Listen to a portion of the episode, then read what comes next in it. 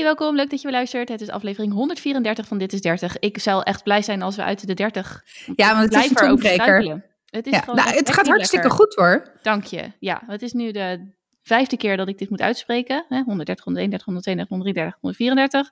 En eh, hij kwam er nu wel lekker uit. Ja hoor, zeker. Dus Niks mis mee. Ja, welkom Gaia. Wat leuk dat je er weer bent. Ja, nou, had nog wel wat voet in de aarde. Oh, nou, doe tel. Hoe zit je erbij? nou, De short version. de, de, short, de short version is, nou ik ben blij dat ik niet op de wc zit. Oh, Eh, nee. Ja, nou en ik dacht eerst, eh, want ik, had, ik moest gisteren eigenlijk naar Apeldoorn.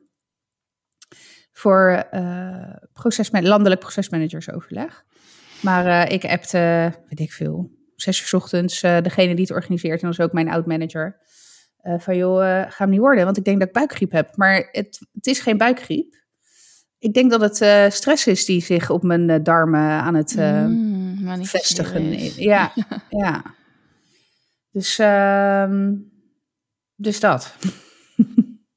maar ik had ook echt, ik zei, nou zei ik dat zondag, zei ik tegen Frank. Ik zeg, ik denk dat ik richting overspannen ga of zo. Ik, hartkloppingen, trillen. Ik snap echt om helemaal niks. Maar echt op een, soms echt op een nare manier naar de kinderen. En dat, en dat vind ik wel echt, weet je, en dan ga ik daar natuurlijk weer over janken. Ja, in tuurlijk, want mom guilt is real. Nee, maar ik, ik weet wat je bedoelt, want je hebt wel eens dat je gewoon een beetje zit te snauwen en een beetje, weet je, omdat ze gewoon ook echt irritant zijn of weet ik veel wat, of gewoon niet zitten te luisteren. Maar soms heb je zo en dan voel je gewoon dat die uit je tenen komt en dan denk je, Ja. dit is niet eerlijk. Nee, dit slaat nergens. Ik heb ook echt mijn excuses aangeboden. Ik Ja, zeg, joh, ja. dit slaat echt helemaal nergens op. Het heeft niks met jullie te maken, maar alles Nee. met mij. Exact, ja. Ja, je voelt gewoon van, nu is die off, dit, dit klopt niet. Nee, ik, dit ging echt helemaal nergens over. En, ehm, maar ik merk ook eh, dat ik fysiek, eh, dus nou, ik al zei hartkloppingen, dus ineens echt op mijn darmen. En ik heb, ben gevoelig op mijn darmen, dus daarom dacht ik ook meteen eigenlijk aan buikgriep. Maar het was anders dan, eh, dan buikgriep. Dus ik denk dat het echt spanning is die erop op eh, slaat. Ik slaap echt nauwelijks. Vanochtend ben ik ook pas om half zes in slaap gevallen. Gisteren ook pas om vijf uur, zoiets. Dus nou ja, dat. Maar goed, ik ben er. Eet je? Ja, ja, dat wel. Mm. Ja, het is ook niet, eh, ook niet hoe het moet. Dus dat is bij mij altijd ook een ve- ve- veegteken aan de wal over mijn mentale gesteldheid. Dan, eh, ja, nee, ook, ook niet eh, zoals het heurt, zeg maar. Nee. Maar goed, het, eh this too shall pass, denk ik dan maar. Maar het is wel... ja, ik heb de afgelopen maanden wel vaker wat dipjes gehad. En de trouwe luisteraars, die Mhm. weten dat. Maar deze is wel... eh, nou, de- ik heb voor het eerst nu lichamelijke ehm, eh, klachten. Uitvaldingen, Ja, ja. nou ja, ja. Vooral die, die hartkloppingen zijn echt fucking irritant. Ja, ja. Dat is echt uit het niks alsof ik... eh, nou, of net een sprintje heb getrokken... of de laatste trein nog moet halen of zo, weet je. Of een echt extreem spannende, enge presentatie moet geven. Dat gevoel de hele tijd. Ook dat gejaagde. Ja, Ja, ja, onrustig gejaagd. ja. En ik krijg het ook niet mijn lijf uit. Want het is gewoon een overschot aan adrenaline en cortisol. Even chemisch. Ja. Maar ik krijg het niet, eh krijg het mijn lijf niet uit. Dus nou ja, het is wel... eh, ik ben dus gisteren ook niet gegaan. En ik heb echt de hele dag in, bijna de hele dag in bed gelegen. Dus vandaag voel ik me wel iets beter. Maar goed, vervolgens, dat is dan weer het nadeel. Hè? Want dan kan je dus 's nachts weer niet slapen. Want dan ga je dag en nacht eh, om, omgooien. Ja, precies. Ja. Doe, Dus, je, nou ja. E- doe je nog EFT'en voor een, eh, de cortisolverlaging? Nee, dat is trouwens een hele goeie. Ik denk dat ik dat filmpje weer eens ga opsnoeren eh, met zo'n EFT-cirkel. eh. Ja, ding. ja want het is Ja. ook, het, de, het is, wat ik heb geleerd, is dat het, eh, om zeg maar echt als je traumaverwerking wil doen, dan is het belangrijk dat je natuurlijk in een situatie stapt en dat je daarover na gaat denken en dat je dan ook die startzin zegt. Maar gewoon on the spot stressverlaging, ja, is gewoon kloppen. Een rondje kloppen is al prettig. Ja. Eh, om gewoon, ja. Ja, nee, ik heb wel die. ehm, die eh, ik moet altijd even nadenken wat het acroniem is. De non-sleep. NSDR, non-sleep Ja, en, rest. ja, dank je. NSDR eh, gedaan. Maar dat zette ook minder zoden aan de dijk dan eh, gehoopt. Maar goed, ik, ik heb ook gezegd, ik kijk het nog heel even aan. Ik heb volgende week moet ik weer drie dagen training geven. Eh, en dat eh, de meeste mensen zouden zeggen, joh, waar begin je aan als je richting overspannen gaat? Maar voor mij is training geven echt mijn, mijn eh, daar krijg ik ontzettend veel energie van. Je happy place. Dat is echt mijn happy place, dus dat ga ik wel gewoon, uh, ga ik wel gewoon doen. En dan zie ik daarna wel even hoe ik eruit kom. Hoe ik me voel en dan, en dan verder. Ja. Dus. Wil je delen wat uh, de aanleiding is voor je spanningen? Uh, nou ja, ja, dat is niet per se een world secret. Het is niet werkgerelateerd, want dat, is het eerste waar mensen aan denken hè, als, uh, als je richting overspannen gaat. Maar het heeft bij mij nou, eigenlijk niks met, met werk te maken. Um, volgens mij heb ik wel eens in de podcast uh, verteld dat mijn moeder ziek is. Uh, maar het gaat echt niet goed met mijn moeder. Dus dat gaat je zeg maar niet echt in de kou liggen zitten. Als, nee. het, als het echt slecht gaat met, met je ouders. In dit geval met, met mijn moeder. Dus dat...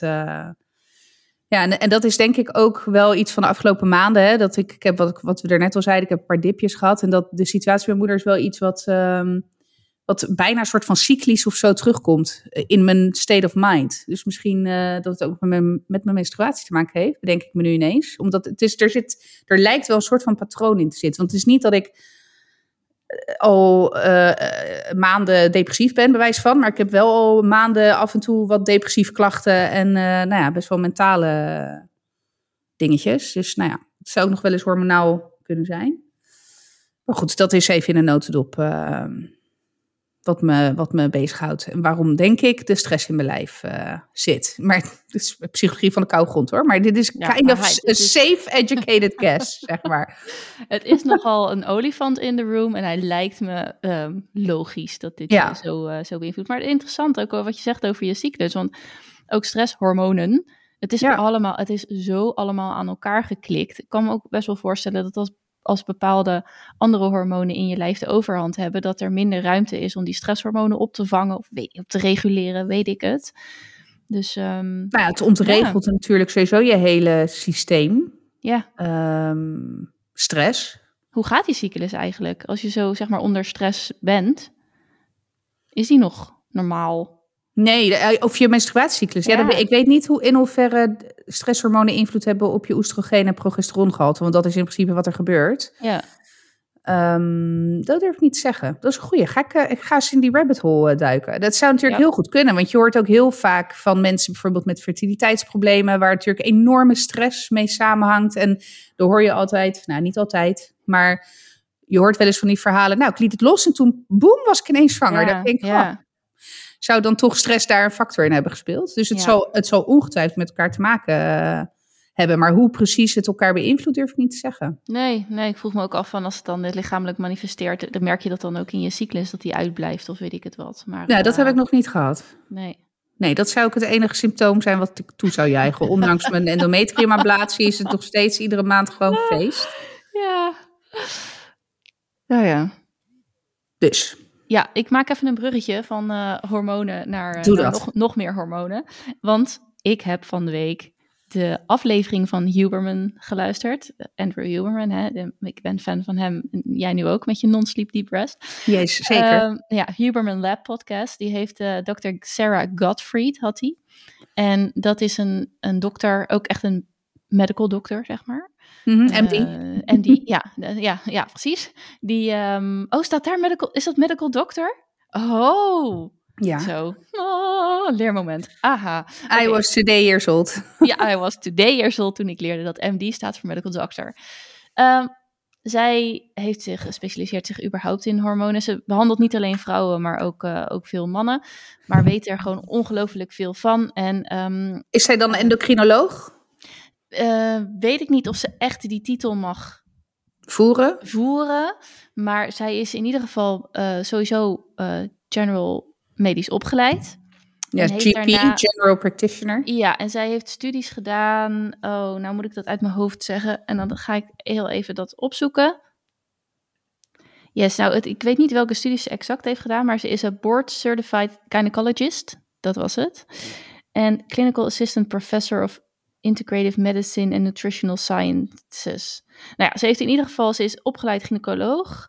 En daarna heeft ze nog studies ook gedaan, ook aan Harvard en MIT. En nou, de, helemaal. Uh, uh, ze heeft er in ieder geval heel erg de best voor gedaan om hier iets van te weten. Ja, dus ze weet er best wel wat van. En wat zij dus doet, is zij behandelt nou, zij zegt bijvoorbeeld ook van, het ging over dat als je dat, dat oral contraception, dus de anticonceptiepil, weet je wel, je komt bij de dokter als meisje, je hebt eigenlijk best wel veel last van je, van je pijnlijke menstruaties. Uh, ga maar de pil slikken, want dan wordt het minder. Nou, dat. En zij zegt, ja, waarom, wat ik doe is, ik neem die, dat signaal van die pijnlijke menstruatie en ik ga kijken of het met voeding of met andere hormonen te maken heeft. Ze test ook heel veel. Ze was ook echt helemaal fan van de. ja, dat was een standaard glucosemeter die je altijd hebt, zodat je op elk moment van de dag je glucose kan checken. Ja, die heb ik hier in de kast liggen. Eh, ja, is dat dan iets wat je op je lijf doet en dat dat constant je glucose... Oh, die sensor, ja, die heb ik ook. Die moet ik nog steeds een keertje prikken, inderdaad. Ja, ja, ja. Is, maar dat, is, dat is inderdaad een, een sensor die je prikt in je, in je lijf. En er zit een micronaaltje in en die kan continu je bloedsuiker meten. Ja, ja, ja ze hadden, dat hadden ze ook een afkorting van, een GMDR of zo. Nou, dat was ook, uh, daar was ze ook helemaal fan van. Want ze zegt, dan kan je precies zien wat... Want ze zegt, ik kan wel zeggen, deze voeding is goed voor je. Maar nou ja, als je, als je kijkt naar jou en mij voor jou is andere type voeding goed. ja, voor, mij, zijn koolhydraten vergif en al het nou, andere. Ik, ik moet het van vetten en eiwitten hebben. Ja, precies. En ik denk dat als ik geen koolhydraten eet, dan, uh, dan word ik een uh, gatenpakhuisje of zo. Ik ja, dan word je wandelend, uh, wandelend, een wandelend skelet. skelet. Ja. ja, dus um, nou, dat, dat. En zij had het bijvoorbeeld ook over, dus ze test ook veel hormonen. Dus zij wist bijvoorbeeld van zichzelf. Kijk, ze heeft sowieso, zegt ze, in mijn medische trainingdagen toen maakte ik weken van 120 uur. En uh, ze zegt, ja, nu hebben ze het beter geregeld, want nu uh, mogen ze niet meer werken dan 80 uur per week. Toen dacht ik, holy fuck. Dus nog steeds twee volle FTE, maar goed. Erg bizar. Maar goed, uh, zij zegt, ja, ik leefde gewoon op cortisol. Weet je wel, je bent gewoon... Ja. Maar, maar dat is... Heeft, allerlei heeft natuurlijk allerlei dingen, maar dat hoeft niet per se heel slecht te zijn, want je lichaam heeft zich daarop aangepast. Dus voor de ene is dat destructief en voor de ander die kan dat best hebben. Weet je wel, niet dat het per se gezond is. Nou, nee, maar het effect ervan is, is per persoon verschillend. Ja, en uh, zij was er überhaupt achter gekomen van dat zij uh, haar systeem, haar phenotype, haar, haar lichaam, ze zegt ik heb sowieso een hogere cortisol aanmaak dan gemiddeld. Dus weet je, dus zij test ook heel veel op die uh, hormoonlevels en die neurotransmitters. Zeg ik dat goed? Dat denk ik wel. Um, en dat elk lichaam anders is. En daarop uh, kijkt zij dan van wat doet dat met je? Kun je iets met je voeding doen? Kun je iets met je gedrag doen? Voordat er medicatie voorgeschreven wordt. Supplementen was ze ook fan van. Uh, weet je wel zo. Dus, dus... Ja, ik, ik, ik googelde haar naam er net even. En het eerste wat er naar voren komt is inderdaad ook een boek over het keto-dieet. Dus moest ik wel even oh, lachen. Ja. Dat, dat, I uh... know, I know Sarah, I know. Ja. ja, dus uh, wat, wat er trouwens bij mij nog gebeurde, was ook nog wel interessant. Ik had de podcast had ik geluisterd, een stukje op mijn telefoon. Dus echt als podcast. En toen was ik, uh, ja, eenzelfde, George was, uh, was de hort op. dus ik was, ja, ik was alleen. En toen dacht ik, oh, dan zet ik hem op YouTube even aan. Want dan kan ik het misschien het beter, ook zien. beter volgen ook. Want dan heb ik ook de ondertiteling. En het zijn toch best wel medische, medisch-technische termen. uiteindelijk vond ik dat juist lastiger en heb ik hem weer teruggaan. Maar goed, was ik aan het luisteren. Ik had geen mening over Dr. Sarah Gottfried. Ik ging kijken en toen bleek het een dame te zijn die er, best, die er gewoon in mijn ogen mooi uitziet met een enorme voorgevel. En dat ja. ook gewoon liet zien. Uh, ze had een laag uitgesneden shirtje aan. En ik moest echt, ik denk dat ik wel, nou, tien minuten mijn best heb moeten doen om mezelf te neutraliseren. Om daar dan zeg maar neutraal naar te kijken of met positieve gedachten. Ik dacht, Jezus, zeg maar, ik, super woke, hè? um, nee, maar dat ik al zeg maar denk, nou, ze, mijn eerste gedachte was, Jezus. En toen dacht ik, ja, nou en? Maar is dat dan, is dat, maar zeg maar, vind ik heel interessant, dit. Ja, ja. Want uh, sowieso, sowieso vind ik het heel interessant, uh, überhaupt, dat je, dat, er dan, dat je dan automatisch een mening hebt over een vrouwenlichaam. Maar goed, dat hebben we allemaal, die eerste instinctieve, ik bedoel, ja. dat is nou eenmaal zo maar eh, wat ik me afvraag is, maakte het ook, uh, ontkrachten het een deel van haar verhaal meteen in jouw hoofd? Omdat je eh, bij haar als dokter, hè, als autoriteitsfiguur of als niet meteen denkt aan een decolleté? Of dat nou, niet was, matcht in je hoofd? Nee, het was meer van, uh, want ik moest echt, um, ik voelde echt de, de, de, de neurale banen, weet je wel. Dit ging zo, ik moest echt zeg maar je weet toch, je hebt gewoon reflexen en automatisme en onderbewuste. Dat gaat zo snel. Ik moest echt actief, en zo werkt dat ook als je onderbewuste patronen wil veranderen natuurlijk. Actief moest ik dat stoppen. Ik moest dat even reflecteren van wat gebeurt hier nou. Ik vond het ook reuze interessant. En ik moest dan gewoon echt de rem opzetten om vervolgens zeg maar uh, tussen actie, of tussen impuls en reactie een pauze te zetten om een reactie te kiezen.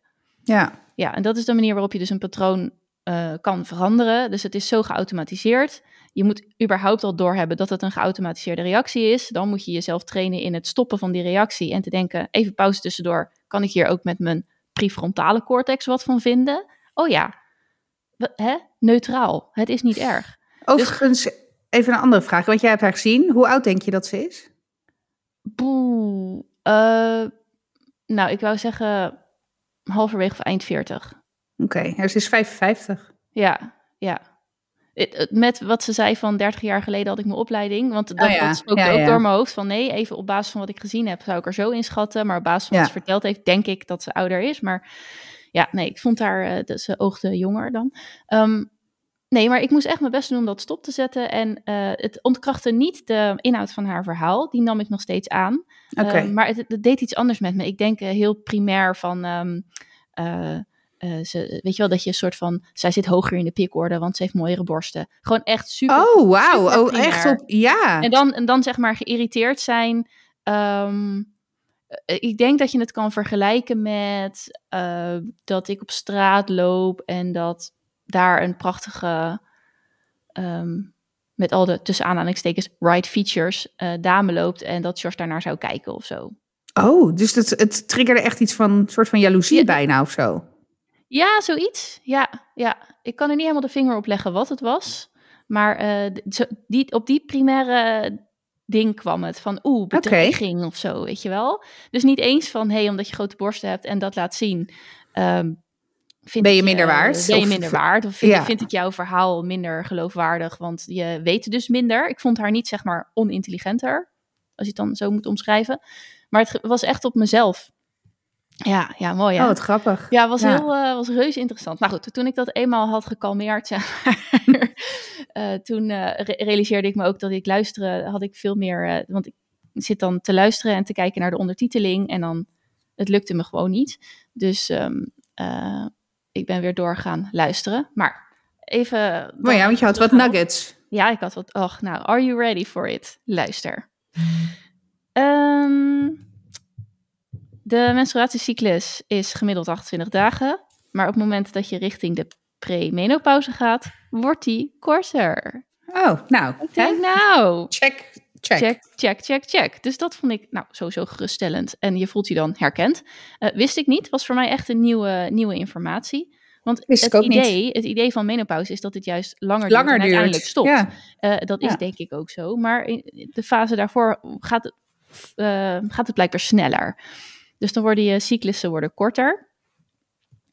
Uh, het tweede nugget, wat ik mega interessant vind. Weet je wat het gut microbiome is? Het microbiome in je darmen? Nou, dat wordt ook wel eens je tweede hersenen genoemd. Ja. Nou, het, het microbiome is het geheel aan bacteriën ja. en entiteitjes, zeg maar, wat in je darmen leeft en wat eigenlijk je gezondheid ook, heel, een heel groot deel van je gezondheid, van je, ook met je mentale gestel inderdaad bepaalt. Dus uh, daarom is het ook wat je erin stopt, dat is uh, dat voedt. Nou ja, ook, eh, het schijnt ook dat zeg maar vleeseters en echt vegetariërs of Ja, andere darmflora andere hebben. Type darm, ja. ja. darmflora, dat is inderdaad het woord. Ja. En het een hoeft niet beter te zijn dan het ander. Nogmaals, wat werkt voor jou? Maar je, microbi je gezond microbioom helpt je gewoon uh, over je algehele gezondheid. Maar er is dus een subset, een groepje binnen dat microbioom, uh, dat je oestrogeen regelt. Oh. Dus even alle, uh, uh, even heel plat geslagen, als jij hormonaal niet goed, niet lekker zit, met oestrogenen dan in ieder geval, dan zou je dat dus theoretisch kunnen beïnvloeden door bepaalde voedingsstof te, uh, te eten. Oké, okay, interessant. Dus, ja, vond ik het dus ook. Dus ik denk, oh ja, dus zij had het over, uh, dat was ook weer, weer zo'n mooie term, weet je, ik weet niet, maar dat was echt zo'n een, een groepje binnen dat microbioom, wat dan, dus als je dat kan beïnvloeden, kan gezonder kan maken, vergroten, verkleinen, verbeteren, dan uh, uh, heeft dat dus ook effect op de afgifte van de oestrogeen. En dat is als het gaat over uh, optimizing for fertility of zo, weet je wel. Dat kan natuurlijk echt heel interessant zijn en is een stuk, ehm, weet je, als je alles aan het proberen bent en mensen met die IVF-trajecten en zo moeten natuurlijk zoveel spuiten en het Ja. is echt, het is bizar en slikken en ook geloof ik vaginaal inbrengen. Je zit zo onder de medicatie. Ehm, nou ja, dat dit ook een effect zou kunnen hebben op. Dat is natuurlijk wel super. eh, ik vond het heel, heel interessante kennis. Eh, volgende ging. Ze hebben heel lang hebben ze het over constipatie gehad. Oh, Ja, nou, dus hij zei ook van, ik had helemaal niet het idee dat we het hierover gingen hebben, maar kunnen we hier alsjeblieft meer over praten? ja, het is trouwens enorm taboe nog steeds, hè, poep. Juist, nou ja, dat zeiden zij ook. Van, eh, hij zei ook van, laten we het gewoon hebben over de dingen waar niemand het over wil hebben. Ja, Constipatie. En, want zij, zij zei ook dat in haar onderzoeken is de stoeltesting, stoeltesting, dus ja, poeptesten eigenlijk, is super belangrijk. Ehm, maar dat constipatie, dat zegt dus iets over je microbioom, over überhaupt je mentale staat van zijn. En dat, ze had ook een mooie uitspraak over, überhaupt being a woman is a health hazard. Hm, ja. Ja, omdat wij sowieso, ehm, ons gestel is veel meer, eh, ja, hoe zeg je dat? Ik, ik Het is als- complexer. Nou, het is complexer, waardoor, zeg maar, het, waardoor het fragieler is. Maar fragiel is een woord wat je niet graag op... Precies. Ja, Ja, ja het, is, het, is een, het is fragiel. de, de balans is fragiel. Dus omdat, er, omdat het complex... Alle processen zijn veel complexer in het vrouwelijk Ja, je hebt veel meer knoppen waar je op kan duwen, Ja. Om het zo Ja. maar te zeggen. En daarbij ook nog natuurlijk niet te vergeten het feit dat er, dat er nog steeds alles wordt getest alleen maar op mannelijke lijven. Ja. Ja. Nou ja, daar hadden zij het ook over, spraken ze ook schande van. Witte mannen overigens even to Ook nog, ja, Ja. ja. Dus, ehm, dus zij had het over, het ging, zij had zij ook de grootste eh, eh, health risk voor vrouwen is ook patriarchy. En toen zei ze, ik bedoel daar niet mee per se mannen zijn, zijn kut, maar meer power over. Dus Ja. ook ehm, de, wit, de witte vrouw power over eh zwarte vrouw. Weet je wel zo. Ja, ja. Dus de- ja. omdat dat dan de, de main Ja, het is gewoon focus gedomi- is. het wordt gedomineerd, Gedomineerd, door, witte, ja. door witte mannen. Ja. Ja, dus, eh, dus, dus überhaupt is dat gewoon heel. eh, ehm, maar goed, daar heb ik nog straks echt een heel praktisch voorbeeld van. Dus de, die constipatie hadden ze het over, maar meer als. ehm, het wordt nu gezien als een soort resultaat van, wat het ook uiteindelijk is in alle opzichten. Eh, want daarna is het is het resultaat van je spijsvertering. Het is het resultaat van wat je eet. Het is het resultaat van wat er in je lijf gebeurt. En dit is uiteindelijk letterlijk het resultaat. Keiharde kak. En die, die, die je die niet uitkrijgt met alle gevolgen van dien. Ehm, en dat moet opgelost worden, weet ik veel. Weet je wel? En zij zegt, ik krijg vrouwen in mijn praktijk. Ja, je houdt het niet voor mogelijk. Die, eh, ze noemden dat dan bowel movements natuurlijk. They haven't Mhm. had a bowel movement in a month. In een maand. Een maand. Ze zei ook, maand? is echt voor niemand Holy leuk. shit. Nee. Een maand. nee het- ik denk, wat is het langste dat jij ooit niet gekakt hebt? Ja, ik denk dat ik... eh, ik heb altijd wel... Nou, ik heb wel echt heel lang geleden, maar dat was echt toen ik eh, rond de twintig of zo, dat je dan wel eens op vakantie dat dan moeilijk Oh ja. vindt. Ja. Ehm, omdat er gewoon mensen bij zijn, omdat je net met je vriendje op vakantie bent, of met je familie van je vriendje op vakantie bent. Ehm, dus ik denk dat ik dan in een week misschien één of twee keer ging, eh, omdat ik het gewoon ophield. Ik heb vroeger, toen ik kind was, eh, mijn moeder die gaat nu echt kapot, want die eh, heeft daar echt nog trauma's van. Ik heb vroeger als kind heel veel mijn poep opgehouden, Oh ja. waardoor ik uiteindelijk jankend op de wc zat, omdat het gewoon Ja. heel veel pijn deed. En dat deed ik omdat ik gewoon geen zin had om naar de wc te gaan. Ja, echt, als ik eraan terugdenk, want ik was echt wel acht of zo voordat het opgelost was. Dus ehm, ik weet dat ook nog. Dat ik echt dacht, ja, ik heb gewoon geen zin, ik zit te spelen. En op een gegeven moment is het een gewoonte. Dus, eh, dus zeg maar dat daar gelaten. Ehm, ik heb altijd wel aandrang. Dus ik had tijdens mijn zwangerschap van Louis echt extreme constipatie voor mij doen. En nu ga ik echt eventjes alle registers open. Dat ik echt met die dikke buik, echt jankend op die badkamervloer. En dan had ik wel aandrang. Dus dan ging ik zitten en dan lukte, Lukte het het niet. En, dan, niet, en dan heb ik echt met, echt serieus, met doekjes, met vingers, echt Ja. geprobeerd om er maar wat uit te krijgen. Dan denk ik, dan is dat, die drol is kleiner. Dan kan die er misschien nu wel doorheen of over een kwartier. Het was mensonterend. Mhm. Eh, en de oplossing was uiteindelijk slechter gaan eten eigenlijk. Want ik dacht nog meer vezels, nog meer water. Nee, ik moest gewoon echt minder. Want hoe meer vezels, als je van vezels gebruik wil maken, moet je ook veel drinken. Ja, klopt. Anders, anders heeft het een contraproductief. ja. Precies, en dat was voor mij gewoon of. Ja, je weet je wel, met vochthuishouding als je zwanger bent, gaat er natuurlijk ook Hey, en, van een, eh, en een klisma. Heb ik nooit gehad. Nee, dus ik, ik had altijd wel aandrang, maar eh, het lukte dan niet. Maar ik heb, eh, eh, wat zij ook zei is, eh, wat zij geleerd had, was ehm, in haar medical opleiding, als je langer dan drie dagen niet bent geweest, Ja, dan is het niet goed. dan noem je het constipatie. Maar zij zegt, ja. ik vind langer dan 24 uur, dan vind ik, dan ben je al geconstipeerd. Ja. En bij jou? Nou, er zijn bij mij twee, eh, twee momenten die ik me kan herinneren. Of eigenlijk drie. Als ik zeg maar, maar beide zwangerschappen tel ik even als één. Want ik had inderdaad ook last van, eh, van eh, constipatie tijdens beide zwangerschappen. En ik herken echt wat je zegt met die dikke buik. Echt huilend op de wc zitten. ja. En gewoon het gevoel hebt alsof, nou ja, bijna à la, à la South Park de stront uit je strot komt, zeg maar. Ehm, Maar het dat- heeft ook, het heeft, het is echt niet hetzelfde als bevallen.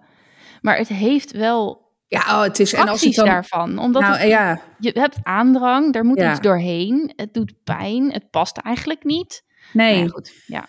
Eh, dus, dus inderdaad bij de zwangerschappen, en dat is natuurlijk wel echt een bekend probleem eh, Mhm. bij zwangerschappen. Maar wanneer ik het eigenlijk nog heftiger heb gehad, is toen ik mijn hernia had. Want toen zat ik aan eh, eh, opiaten.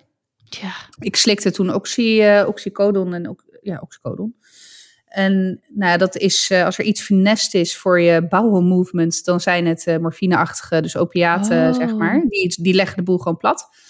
Ehm, is het dan ook en- zo dat, want ik heb ge- dus geleerd sinds eh, kort, omdat ik de taboekast edit, dat oxycodon is eh, synthetische heroïne. Ja, Is het ook zo dan dat heroïneverslaafden ook geconstipeerd zijn? Dat weet ik niet. Ja, het weet je op zich, eh, dat, dat kan ik me zomaar voorstellen. Maar Ja. ik dat durf niet te zeggen. Nee, want oké. dat die, omdat die natuurlijk vaak ook een andere toedieningsvorm van, van het middel gebruiken. Mhm, ja. Dus die, die over het algemeen wordt heroïne gero- gerookt of gespoten. ja, roken begreep ik Ja. uit die... ehm, uit die, Maar eh, dus dat durf, ja. dat durf ik niet zeggen of je daar dan ook geconstipeerd eh, van raakt. Maar van in, in ieder geval eh, oraal toegediende morfine is het. Maar nou, trouwens, volgens mij ook intraveneus. Want volgens mij ook mensen met morfinepompen hebben daar last van. Maar goed, anyway, durf ik niet zeggen. Maar eh, dat is ook een heel bekend eh, probleem bij eh opiaatgebruik. Dat je dus echt een. eh, dat je stoelgang eh, naar, de, naar de knop gaat. En toen heb ik inderdaad wel. ehm, nou, naar de wc gaan met die, met die hernia was sowieso Ja, sowieso eh, geen, eh, geen pretje. Maar ehm, ik denk dat ik toen het langst echt meer dan een week. Maar toen heb ik dus een klisma gebruikt uiteindelijk. zelf, zelf thuis. Ja, gewoon Ja. thuis inderdaad. maar een en toen, week. Oh. toen ging het wel. Met, met, die klisma. En toen moest ik inderdaad, kreeg ik ook allerlei poedertjes inderdaad. eh, om bij die oxy eh, te, in te nemen. En weet ik veel. Ja, gewoon laxeermiddel eigenlijk. Wat ik tegelijkertijd moest, eh, moest innemen. Zodat mijn stoelgang nog enigszins overeind bleef. Oh ja, want dat heb ik ook wel gekregen. Ehm, ik denk gewoon de eerste versie van. ik denk dat ook gewoon vrij verkregen. Ik weet niet eens meer wat het was, maar ik heb ook wel dingen ingenomen. Maar daar kreeg ik alleen maar buikpijn van. Oh ja. Dus, en toen zei ik dat tegen uh, Annemarie, mijn vriendin, die, die eh, ook eh, eh, nou, ah, allerlei Medisch geschoold is. medisch geschoold is. En die zei ook van ja, dat is het ook eigenlijk. Wat je nu neemt, zorgt gewoon voor extra activiteit. ja, En dat kan helpen, maar in principe als het gewoon gasvorming is, dan doet het alleen maar pijn. En Ja. want het helpt niet om dat spul zacht te krijgen. Ik dacht, ja, jezus. Dus ben ik toen maar weer mee gekapt. Nou, en daarna had ik dan door dat ik dus gewoon wit brood moest eten. zo min mogelijk vezels. Zo min mogelijk vezels. en toen, eh goddank, nou, dat was echt een, ver, eh, dat was echt een, een bevrijding. Ja, en Ja. wat bij mij trouwens ook werkte, en dat heb ik, dat, die truc pas ik nu nog steeds wel eens toe.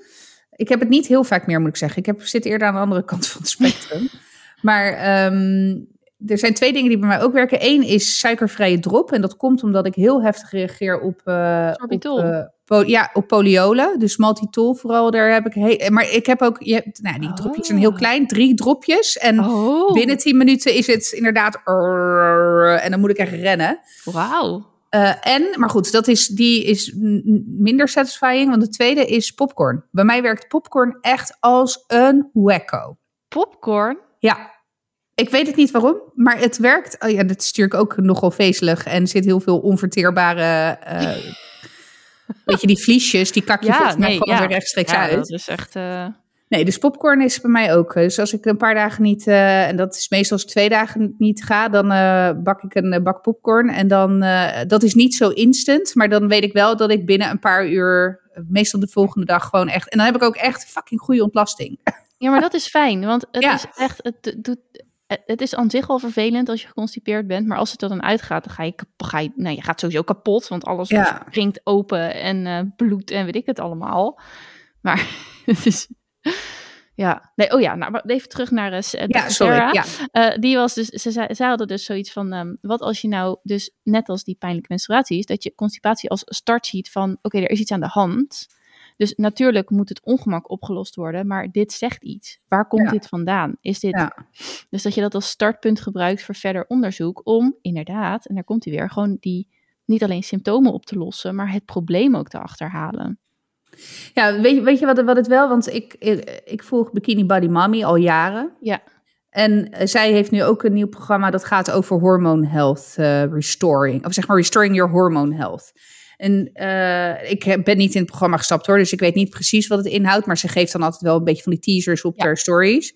En dan heeft ze het ook de hele tijd over het testen van je hormonen, zeg maar. Dus dat ja. Je dat, ja, en, maar dat is in Nederland ik zou niet weten bij wie ik dat moet doen. Ik, ik kan, je kan hier niet naar je huisarts zeggen: ik wil mijn hormonen laten testen. Ja, zij had dus, zij dus in, die, in die aflevering hadden ze daar ook over. En zij raden echt aan om als vrouw in je dertig, eigenlijk gewoon de hele tijd een beetje in je leven, vanaf dat je gaat puberen, gewoon eens af en toe je hormonen te checken. Maar als vrouw in je thirties, um, om in ieder geval een, een, een startpunt te hebben. Dus laat het een keer testen.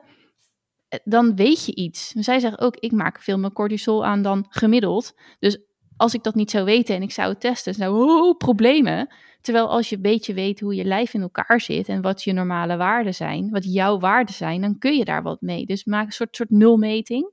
Ja. Die raden ze echt aan. En inderdaad, uh, ze noemden dan een bepaald soort test. Um, van ja, dan vraag je aan je dokter een, weet ik het, AHA-test of zo.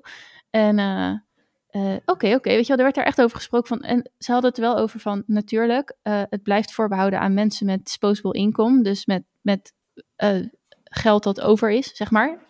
Mm -hmm. Dat je dat geld ook hebt. Want had, zij zei dat het een bepaald aantal testen bij elkaar was dan 250 dollar of zo. Nou, en, op zich is dat de investering nog wel waard. Maar de vraag ja. is echt gewoon praktisch hier ja, in Nederland. Maar wat? Want ja, je moet daar dus. Dus ik was al inderdaad gaan googelen van vrouwendokter of zo. Weet je wel, van wie, wie kan me hiermee helpen? Je hebt wel, ik heb wel een aantal websites gevonden waarop je dus zelf zo'n labtest kan laten doen. Dus dan krijg je een, een kit thuis gestuurd en dan stuur je je bloed op. Eh, ik denk Maar dat wie gaat dat bloed vinger- prikken? Ja, Oh, ik net het zeggen. vingerprikjes of Ja. zo, dat weet ik niet. Of misschien moet je ook wel urine samples of weet ik het wat erin doen. Dat is natuurlijk wel te doen thuis. En, ehm, en dat, is, was, eh, dat varieerde van 40 tot 89 tot 110 euro. Ja, maar dan heb je dus eh, volgens mij vijf. Dus oestradi- oestrogenen, FSH, LH, eh, progesteron en testosteron misschien ook wel. Testosteron is natuurlijk ook in vrouwen een heel belangrijk hormoon. Mhm. Ehm, en dat was dan wel geloof ik het duurste. Maar ehm, ja, het kan wel, maar dan moet je dat dan dus zelf regelen. Ik weet niet hoe dat met in de, via de medische weg kan. En ik kan me voorstellen dat, eh, ja, dat dat ook misschien niet eh, heel snel vergoed wordt. Omdat ook Nee, maar dat, dat heeft los. Ja, ja nou, en dat is natuurlijk sowieso, vind ik, een probleem hè, in de Nederlandse gezondheidszorg. Dat het heel erg geënt is op, eh, op behandelen. En dat er heel weinig aandacht is voor preventieve geneeskunde. Dat is Maar- echt, echt een gemiste kans. Ja, nou daar hadden zij het ook wel over hoor. Dat dat gewoon ook in Amerika zo is. Ik weet niet of dat, eh, of dat dan overal eh, zo is. Weet jij of dat bijvoorbeeld in Italië ook op die manier gaat? Nee, in Italië, nee. Want in Italië is het heel normaal om, zeker, weet ik veel, na je veertigste, een jaarlijkse algehele check-up te, te Oh, doen. ja. De- een beetje net zoals in Duitsland. In Duitsland heb je ook die, eh, die soort van eh, check-ups die ze, die ze doen. Een soort total body. Ja, ja, ja. Scan ik weet dat mijn, mijn oom en tante bijvoorbeeld, want ik heb natuurlijk die eh, genetische vorm van diabetes, ehm, die MODI-3. En dat is, dat is, zeg maar, mijn kinderen hebben bijvoorbeeld echt 50% kans om diezelfde diabetesvorm te hebben. Dus dat is, dus de kans dat dat, tenminste, en ik heb dat zeer waarschijnlijk vanaf mijn, vanuit mijn vader heb ik dat gekregen, dat gen.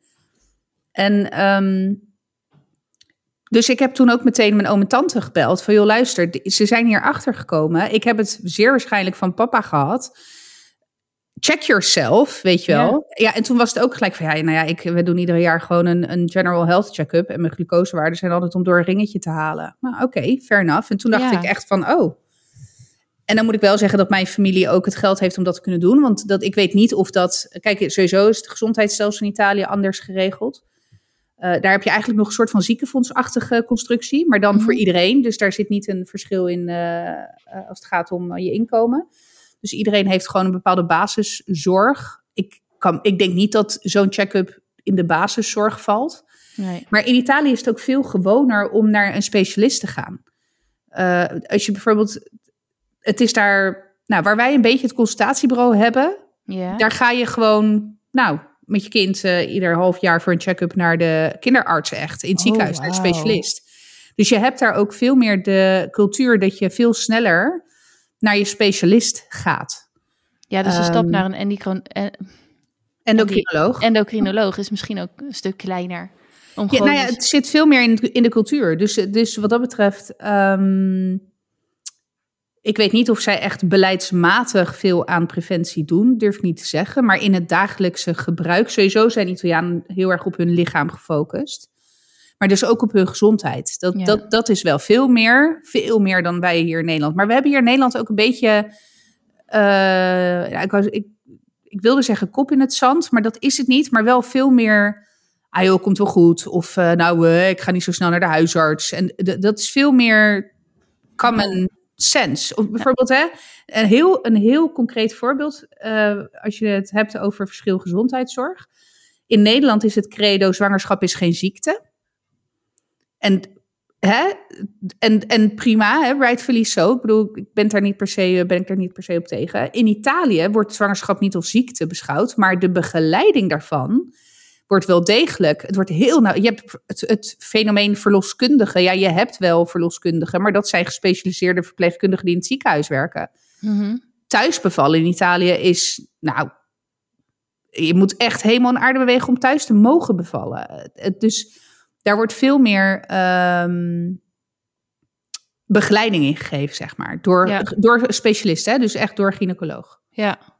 Nou ja, en dat is, kijk, nu, nu haal je, dat, dit voorbeeld is natuurlijk eh, met veel meer ehm ja, precaire dingen omgeven. Want eh, eh, het is, ik, ik denk ook dat het een natuurlijk verschijnsel is.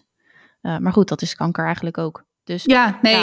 e- eens. Dus, Nee, maar dus- het dus is die- ook, die- maar ook de nasleep van zwanger. Weet je, de beva- bij de bevalling. Kijk, in Italië kennen ze niet het fenomeen kraamzorg. En dus blijf je na je bevalling, ik geloof vijf dagen in het ziekenhuis met je ja, baby. precies. Ja, ja. En Ja. dan wordt de baby ook. Daar is toevallig nu een hele, een hele discussie rondom gaande in Italië. Omdat er een, een babytje met rooming in, dus dat is zeg maar dat moeder en kind, wat in Nederland heel gebruikelijk is, Ja. gewoon bij elkaar in de kamer blijven. Er is nu een jongetje overleden. En nu staat dat rooming in eh, ineens helemaal in de schijnwerpers van dat is slecht. Want Oh. het is daar, nou, maar het is daar dus heel normaal om in die vijf dagen na de bevalling, eh, dat, de kind, dat het babytje dus s'nachts sowieso naar de slaapzaal gaat. Met, de, met tien andere baby's. En dat doen ze enerzijds omdat ze dan dus de baby goed kunnen monitoren. En dat is makkelijker als ze in één kamer liggen dan dat ze in vijf kamers liggen. Maar ook om eh, de moeder tot rust te laten komen. Zodat ze beter rested is tegen de tijd dat ze het ziekenhuis uit moet. eh, en daar dus alleen voor staat, zeg maar Ja, maar ja. ben geen fan van hoor. Ik ben blij Nee. dat mijn kinderen niet van mijn zijde zijn geweken. Terwijl ik een medische bevalling heb gehad. En ook, weet je, met mogelijk de kans dat zij opgenomen moesten worden. Ja, Eh, maar dat is gelukkig niet gebeurd. maar goed, om even een, een cultureel beeld te schetsen van ja, het verschil, Ja. zeg maar. eh. Ik denk ook dat als je, nu komt, bekruipt me ook het gevoel, ehm, hier is het natuurlijk allemaal zo verzorgd. En als je maar je zorgverzekering betaalt dan, en, en je gaat naar de huisarts, dat is het een beetje. En Ja. dan beslissen wij wel voor jou wat er aan de hand is. En dan verwijzen we je door naar die of die specialist. ja. Eh, dat je daardoor ook, eh, dat, is, dat is in ieder geval, dat is wel heel veel, dat is zorgen voor. Tegelijkertijd, als je dat met je kinderen blijft doen, dan worden ze nooit zelfstandig. Dus voor ons is er ook helemaal geen incentive om zelf na te denken over je gezondheid. Want, ehm, Nee, en daar wordt ook eh, heel weinig aandacht aan besteed. Ja. Überhaupt aan, nou ja, inderdaad, gezonde voeding en bewegen en überhaupt hoe je lijf werkt, ja, dat krijg je pas een keertje. Nee, je hebt ook zelf de verantwoordelijkheid daar niet voor, want dat is toch de zorg en de huisarts, weet je wel. Ja, Dus eh, je gaat, er, er er is ook geen, eh, geen prikkel om je daar dan vervolgens in te verdiepen. En om inderdaad eh, te blijven voelen van, ja, dit voelt niet goed. Ik, moet, eh, ik ga nu deze en deze specialist inschakelen. Want als de huisarts tegen jou zegt, ah nee joh. Weet je wel, niet dat mijn huisarts mij een verkeerd advies geeft hoor. Maar dit is natuurlijk even een heel concreet en ehm, eh, actueel voorbeeld. Ik ga naar de huisarts met, ja, ja cyclus is gekkig. ver- verandert al, ik ben 37, is dat normaal? Ja, nee, dat kan hoor. Ja, is aan de vroege kant, maar... ja je, nee, maar precies dat. Ja, oh, je precies tantes dat. waren ook best vroeg. Dus terwijl als ik die optie niet had gehad en zelf aan de, aan de touwtjes had moeten trekken, eh, dan had ik inderdaad misschien naar een gynaecoloog gegaan of naar een endocrinoloog. Ja, En maar dat Ja. kan hier in Nederland niet, want je kan niet zonder verwijzing naar een specialist.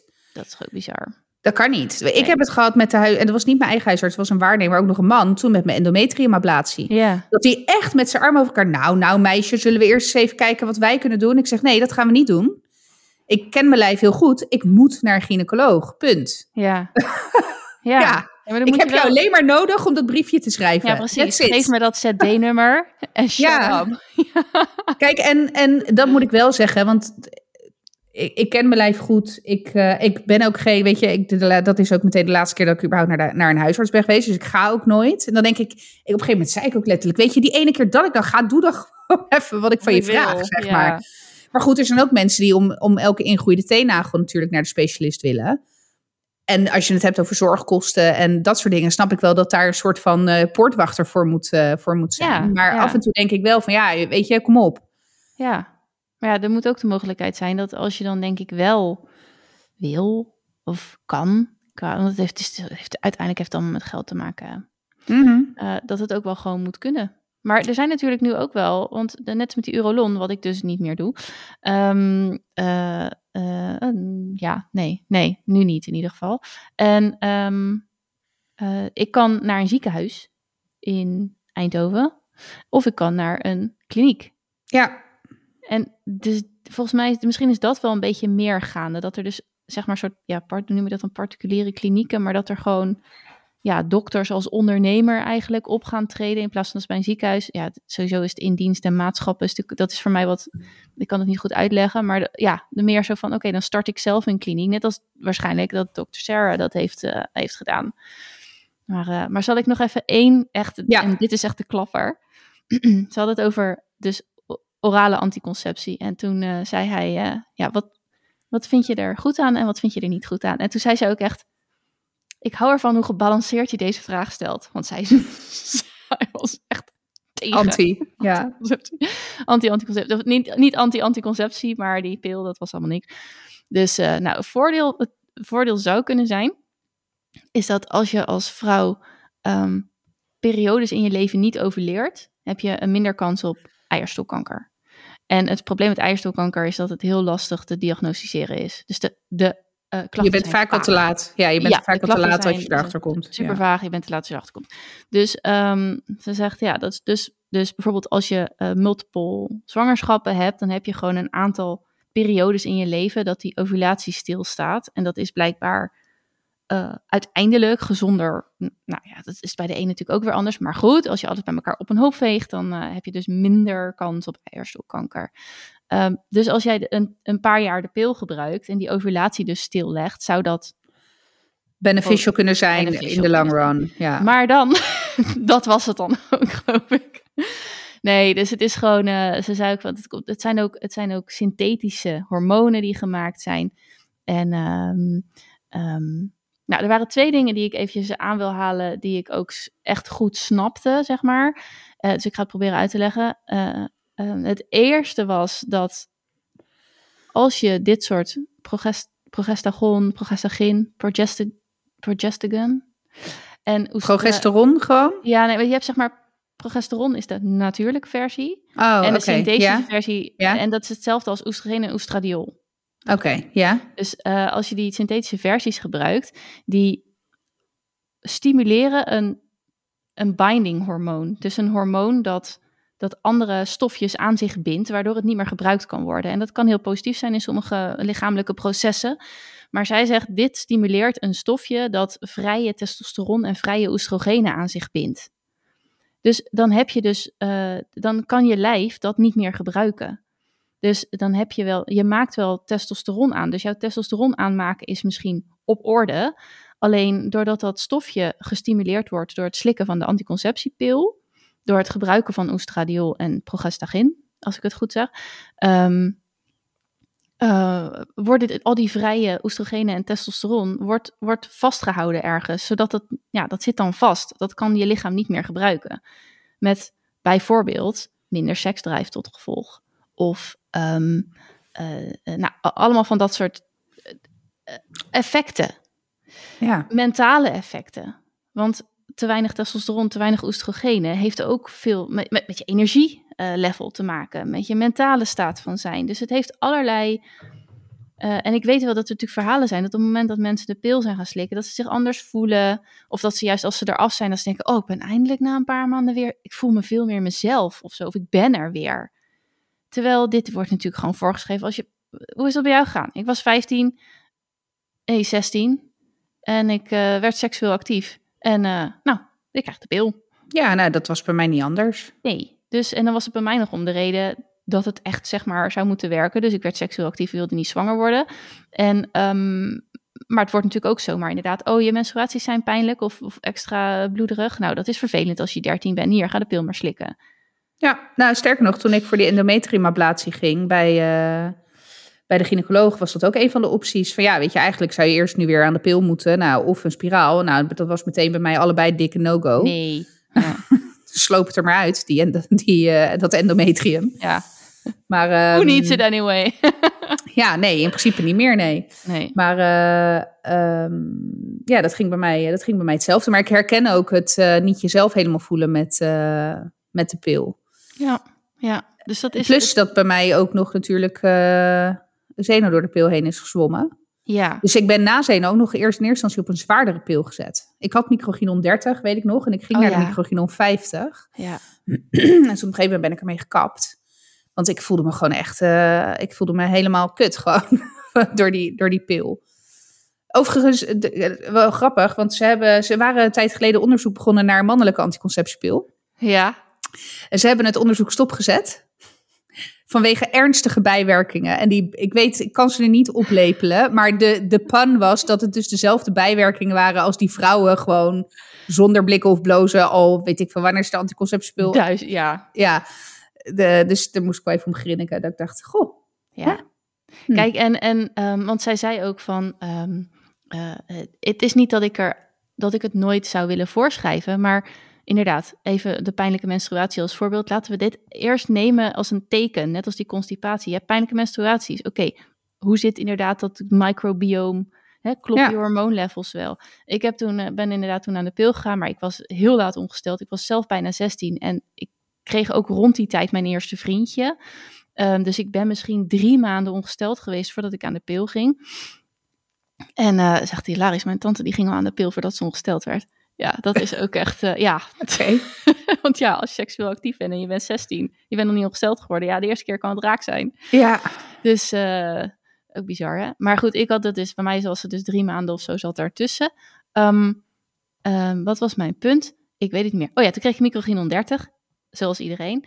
En toen Ja. deed het meer zeer. Dus ik had geen last van krampen en ik kreeg krampen. Dus wij weer terug naar de dokter. Nou, ik weet nog wel dat ik daar met mijn moeder zat. En ik heb het idee dat hij een beetje schoorvoetend van... ja, probeer het dan nog maar even. En ik denk dat mijn moeder toen uh, pootstijf heeft gehouden. Dus thank you. Um, toen kreeg ik dus microginon 20. Dus ik heb Mm. eigenlijk heel lang op 20 gezeten. En uh, nou ja, in ieder geval niet... Uh, het, bij mij stopte het mijn ovulatie dus wel.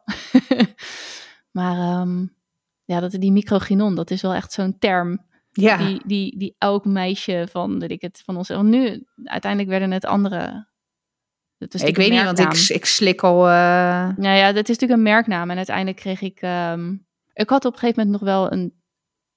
een ook een 20 microgram, weet ik veel. Een 20 en die heette dan anders. En daarna moest ik ook over op, uh, dat het werd dan gewoon een hele zijnaam. Inderdaad, oestradiol, progestagin 20 Ja. of zo, weet je wel. Ja, gewoon de, eh, het, de naam van het werkzame bestanddeel. Ja, precies. Ehm, eh, maar goed, dus dat, dus dat hele, dat, dat, dat stimuleren van dat hormoon, wat dus die vrije dingen bindt.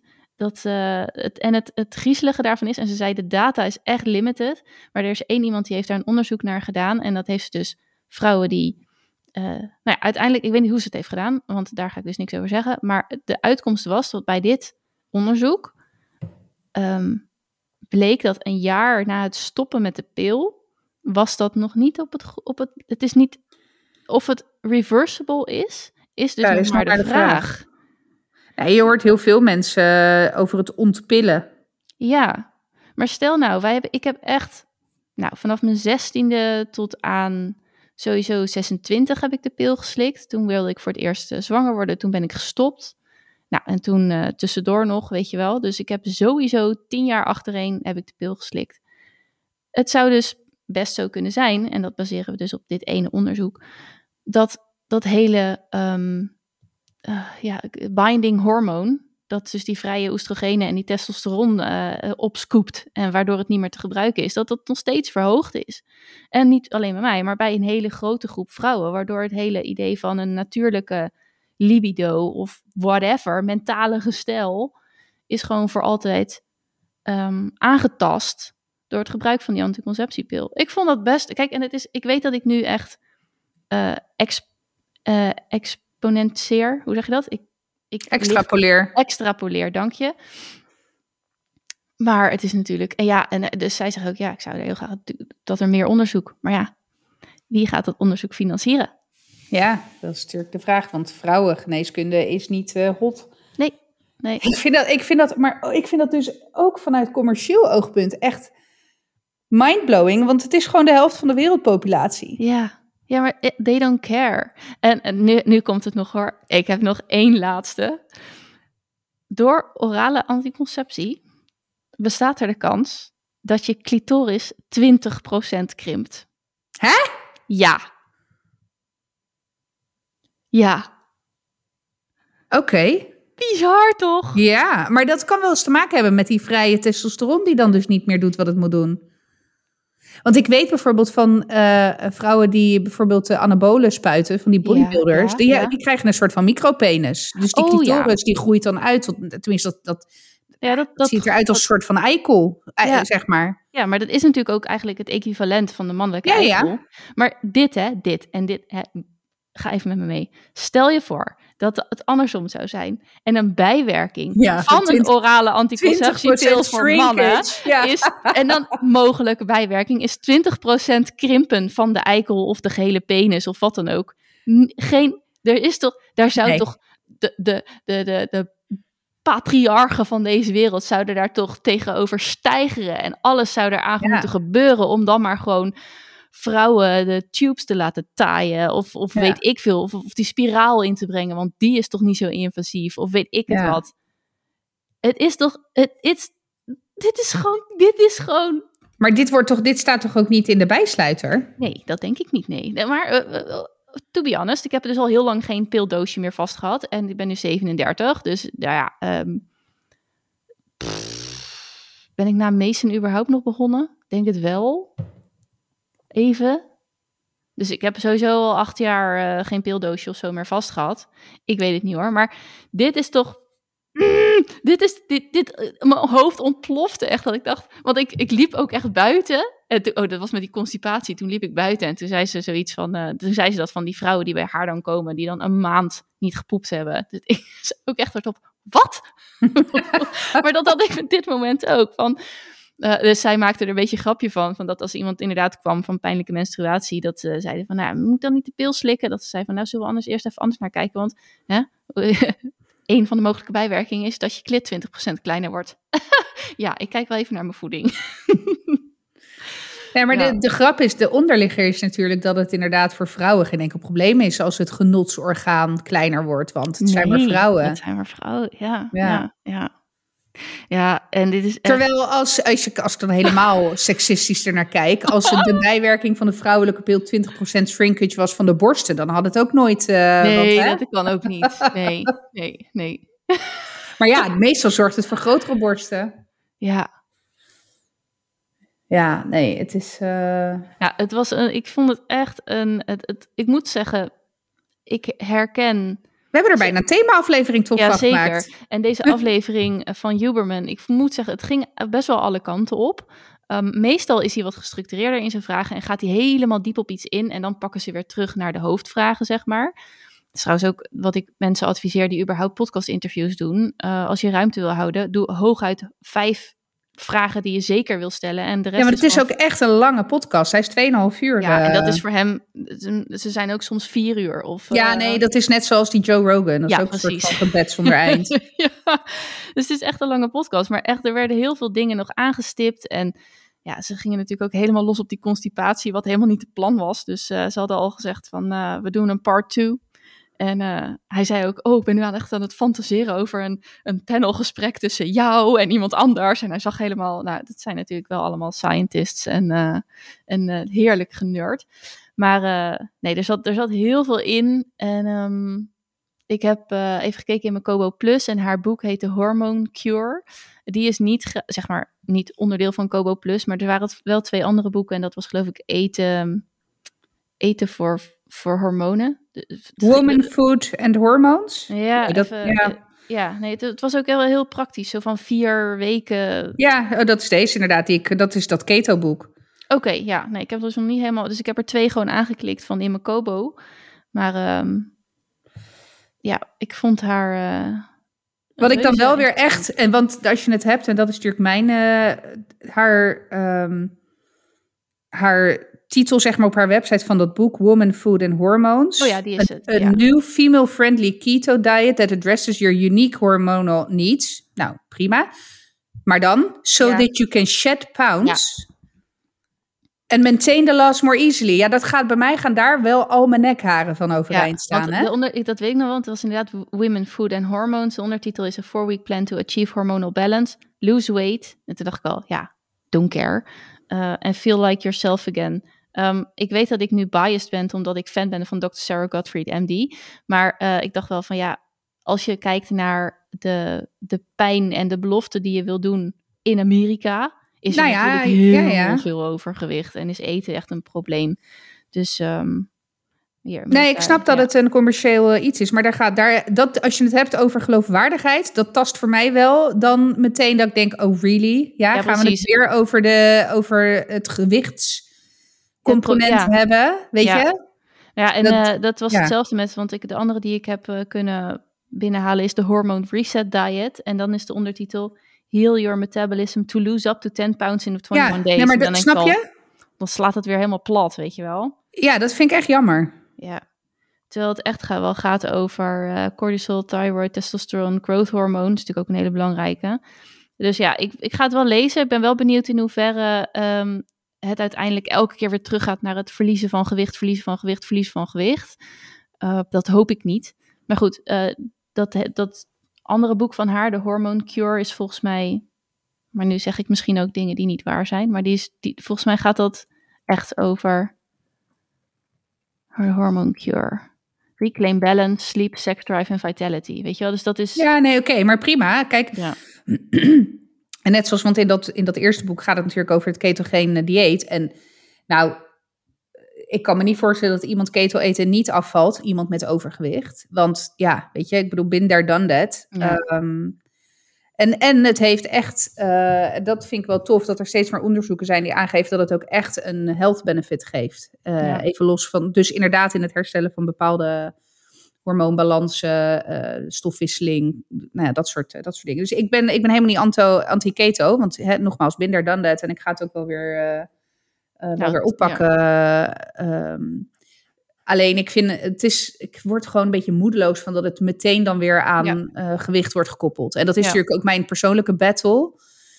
weet je, dat ik heel erg hard intern al jaren bezig ben om mijn zelfwaarde los te koppelen van mijn gewicht. En het eerste wat je dan weer wordt gezegd van eh, ja, want jouw gewicht is niet goed, dus je moet dit doen. En want dan val je af en dan hoor je erbij. Ja, nou, ik kan vooral niet zo goed als er dan staat 10 pounds in 21 days. Dan denk ik, ja, bleh, dat is gewoon de verkeerde message. Dus dat, eh, dat, snap, dat snap ik. En bij mij komt het dan niet eens op een heel persoonlijke eh kwetsbaar, hoe zeg je dat? Ehm, Ja, kwetsbare, kwetsbare punt, zeker. binnen. Ja hoor. Ja. Maar, dus dat vind, vond ik dan ook wel weer een beetje tegenvallend eigenlijk. Maar goed, fijn. Eh, ik heb haar nu 2,5 uur geluisterd. En as, eh, hoe een podcast werkt, is dan zit je in iemands eh, hart. Hè? Als, iemand, als Ja. je 2,5 uur in iemands oor kan praten, dan... ja, en de grap is, kijk, ik ga, wel die, ik ga hem wel luisteren hoor. Maar de grap is dat dit bij mij dan meteen weerstand oproept. Ja, dat ik denk, ik. ja, nou sterf met je... Ja, 10 pounds in 21 dagen. Ja, Ja, ja. Ja. Maar goed. nou ja. Ehm, Oké, dus dat was mijn spreekbeurt over hormonen. En, Over ehm, Sarah Gottfried, Ja, MD. en die. Dus ja, heb je nog iets toe te voegen? Ik heb mijn Nee. leestip is dus en mijn luistertip is deze aflevering. Maar eh, Nee, ik had nog wat dingen opgeschreven, maar dat kan ook prima volgende week. oké, dan eh, ga ik de aflevering nu eh, afsluiten. Lieve luisteraar, bedankt voor het luisteren. En eh, je hoort ons eh, volgende week weer. Doei doeg! Doei!